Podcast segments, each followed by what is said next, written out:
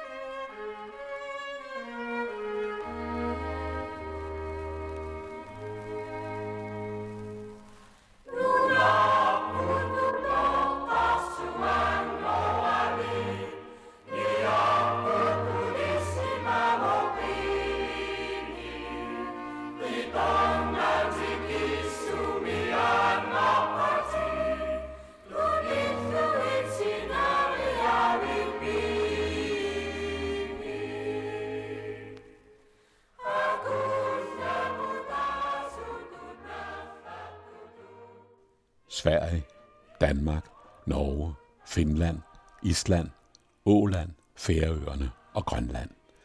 I manges bevidsthed flyver de fem nordiske svaner og deres tre aflæggere i flok.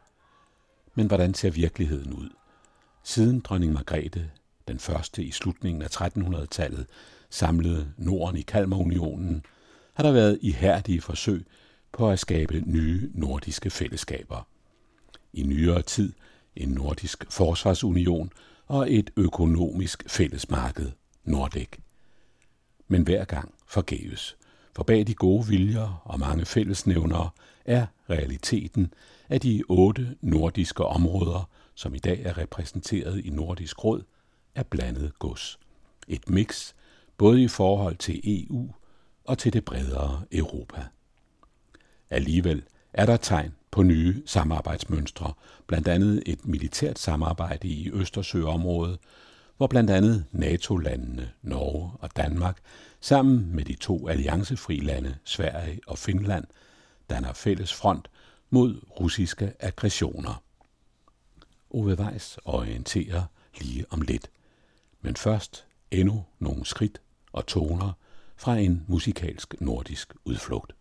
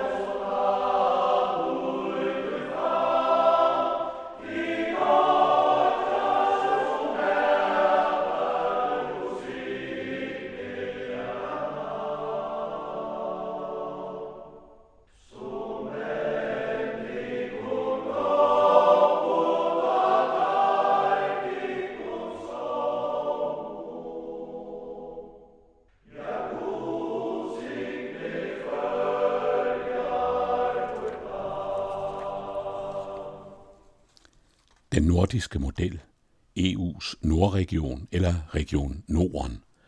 De nordiske lande og selvstyreområder dukker op i mange sammenhænge og under mange betegnelser. Forestillingen om det fælles Norden har haft vinger lige siden dronning Margrethe den første i slutningen af 1300-tallet samlede Danmark, Norge, Sverige, Finland, Island, Grønland, Færøerne og Shetlandsøerne i Kalmarunionen. Men hvordan ser billedet ud i dag? Ove Weiss. I nyere tid har nordisterne, som de kaldes, hentet deres forhåbninger i blandt andet efterkrigstidens forsøg på at skabe en nordisk forsvarsunion, i øvrigt som mulig del af et europæisk forsvarssamarbejde i alliance med USA. Entusiasmen for den plan blev båret af daværende socialdemokratiske statsminister Hans Hedtoft. Han måtte opgive forhavnet blandt andet på grund af Sveriges historiske neutralitet og Finlands naboskab til den russiske bjørn. Kort efter, i 1949, tog Danmark konsekvensen og blev en af de 12 medstiftere af NATO. På det seneste har Rusland til gengæld på grund af sin truende adfærd i Østersøområdet inspireret til et nyt nordisk militært samarbejde mellem flere NATO-lande, anført af Danmark og Norge, og ikke NATO-landene Sverige og Finland. Det vender vi tilbage til. I 1968, 20 år efter sammenbruddet af forhandlingerne om den nordiske forsvarsunion, foreslog daværende radikale statsminister Hilmar Bavnsgaard gennem tre år leder af den borgerlige VKR-regering det økonomiske samarbejde Nordek. et fællesmarked af Danmark, Norge, Sverige og Finland med 12-unionen som det centrale men også med retningslinjer for samarbejde inden for økonomi, industri, energi, landbrugs- og fiskeripolitik. Forhandlingerne stod på et par år, og Nordisk Råd, der blev dannet allerede i 1952, godkendte faktisk Nordek-planerne, men traktatforslaget blev aldrig ratificeret. Især fordi Finland blev betænkelig igen på grund af sovjetisk modvilje. Helt forgæves var anstrengelserne dog ikke, for året efter i 1971 blev Nordisk Ministerråd en realitet blandt andet som konsekvens af skibbrudene Nordek. Siden har Nordek og Forsvarsunionen spøgt både i for- og baggrunden, når de nordiske befolkninger har diskuteret internationale relationer. Ikke mindst i debatterne op til de ofte følelsesladede EU-folkeafstemninger. Men bag gode viljer og mange fællesnævnere er realiteten, at de otte nordiske områder, som i dag er repræsenteret i Nordisk Råd, er blandet gods. Et mix både i forhold til EU og til det bredere Europa. I disse Brexit-tider, som synes at lamme britisk politik med et stigende antal britter, der fortryder, at de ikke stemte Remain, er det værd at notere, at Grønland faktisk er det første område, som ved en folkeafstemning har forladt den europæiske union. Da Danmark 1. januar 1973 trådte ind i EF, som fællesmarkedet hed dengang, fulgte Grønland automatisk med som del af rigsfællesskabet. Seks år senere, i 1979, fik verdens største ø hjemmestyre, ikke mindst efter effektiv pression fra en ung politikergeneration, anført af blandt andre Jonathan Motsfeldt, Lars Emil Johansen og Moses Olsen. Sidstnævnte stemme var i øvrigt afgørende for dannelsen af årtiets første regering, Jens Otto Kraus i 1971. Det var udtryk for Nordatlantens styrke i Folketinget, ikke i mandattal, men i indflydelse. I februar 1985 trådte Grønland så ud af EU efter en vejledende folkeafstemning, men hjemmestyret fik aftalt en særlig fiskeriordning, og Grønland er med i de såkaldte oversøiske landes og territoriers associeringsordninger, det vil sige særlige aftaler med Bruxelles. Hverken Island eller Norge er medlemmer af EU, men de føler sig, som det ofte siges i de to hovedsteder, næsten som medlemmer. Ja, den tidligere formand for det norske Arbejderpartiet, Rejuf Sten, har lige frem måske som glødende europæer talt om et hemmeligt norsk EU-medlemskab. Men mens en mulig folkeafstemning er permanent på dagsordenen under skiftende regeringer i Island, har Norge to gange sagt nej til medlemskabet, om end med en beskeden overvægt af nej-stemmer begge gange, henholdsvis godt 53 og godt 52 procent. En af forklaringerne kan være, at selvom Norge altså ikke er medlem, er intet land uden for EU tættere forbundet med unionens indre marked end netop Norge. Og det er i en sådan grad, at Brexit-tilhængerne i Storbritannien, anført af den konservative premierminister Theresa May, før folkeafstemningen om EU gang på gang fremhævede den norske associeringsordning som mål for en lignende britisk aftale under forhandlingerne i Bruxelles. Da det viste sig at være en illusion, førte det til drama i det konservative parti. Brexit-minister David Davis, tidligere kandidat til formandsposten hos de konservative, og udenrigsminister, tidligere overborgmester i London, tidligere chefredaktør for verdens ældste tidsskrift The Spectator med meget mere, Boris Johnson. De to forlod sammen med andre medlemmer Mays regering i protest mod det ringe britiske forhandlingsresultat. Og Norges og i øvrigt også Islands aftale er favorabel inden for rammerne af EØS-aftalen, som giver adgang til EU's indre marked, som er Norges største eksportmarked. EØS er en forkortelse af det europæiske økonomiske samarbejdsområde og giver adgang til de meget omdiskuterede fire friheder, fri varebevægelse, fri udveksling af tjenesteydelser, frie kapitalbevægelser og fri bevægelighed for personer. Samtidig giver aftalen adgang til for eksempel konkurrence- og socialpolitik, forbruger- og miljøbeskyttelse, uddannelse og forskning og meget andet. Så Norge sagde altså nej til egentligt medlemskab, anden gang i øvrigt samtidig med, at både Sverige og Finland besluttede at melde sig ind i EU fra 1995, godt 20 år efter Danmark. Finland måtte med påtvungen tålmodighed vente på ophøret af den kolde krig, de centrale og østeuropæiske omvæltninger og Sovjetunionens opløsning. Sverige blev ligeledes forsinket af sin historiske neutralitetspolitik. Finland accelererede dog hurtigt og indførte fire år senere euroen som erstatning for finske mark. Men det særligt interessante ved Finlands EU-medlemskab er måske særaftalen med EU, Ålandsprotokollen for det svensktalende finske selvstyre i det lille ørige mellem Østersøen og Botniske Bugt, et af de otte medlemmer af Nordisk Råd. Med blandt andet særlig tolvfrihed til vederkvægelse for de to millioner gæster, som færgetrafikken årligt bringer til og fra småøerne. I Sverige er der bekvemt flertal for EU-medlemskabet. Erhvervslivet er ligefrem stålsat. En nylig undersøgelse af 2.000 svenske virksomheder viser, at 8 ud af 10 vil forblive i EU for virksomheder med mere end 50 ansatte gælder det 91 procent. Undersøgelsen kom som svar på det højre nationalistiske parti Sverigedemokraternes krav om svensk Brexit, Svexit kaldt. Trods fire forbehold, eller måske på grund af dem, udgør Danmark ifølge en spritny måling sammen med netop Sverige og Holland top 3 blandt de 28 EU-lande, når det gælder følelsen af at blive hørt i Bruxelles. Det føler 8 af 10 danskere, at de gør. 84 procent af dem mener til med, at EU-medlemskabet er en fordel i modsætning til gennemsnitsmeningen i de øvrige 27 EU-lande på 67 procent.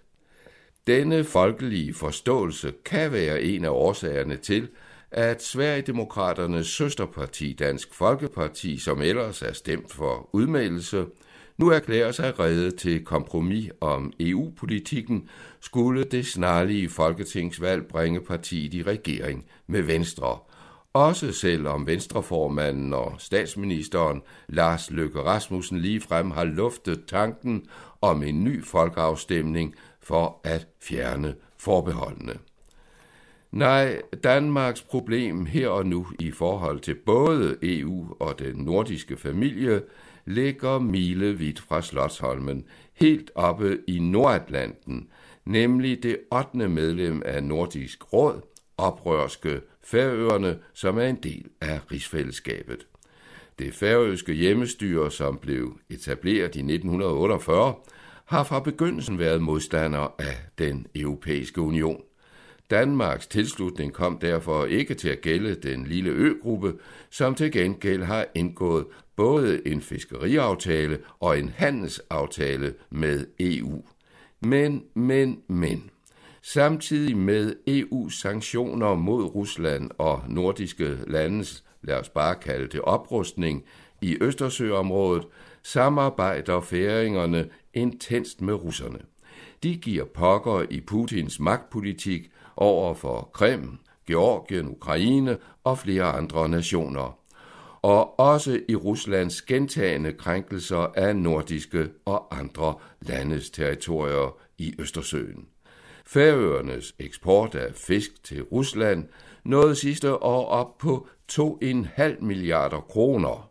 Færøernes økonomi vokser med 6-8 procent om året, nærmest en kinesisk fremstormen attraktivt for et samfund med blot 51.000 indbyggere.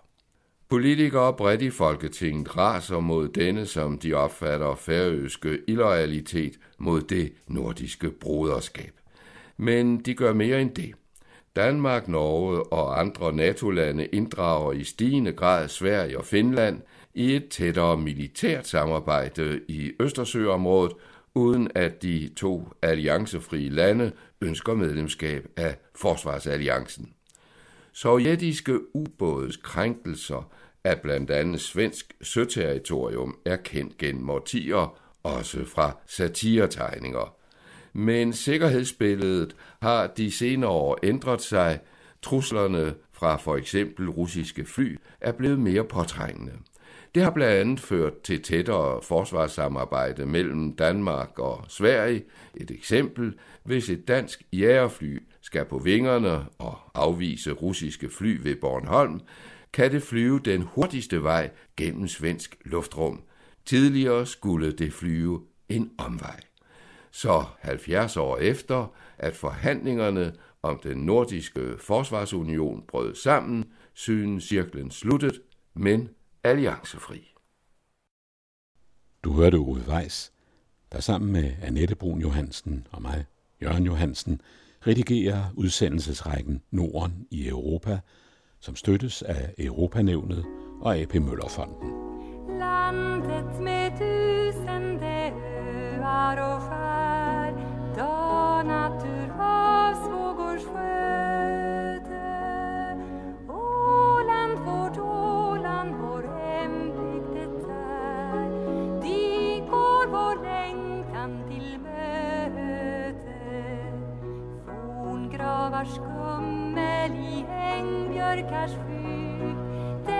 下定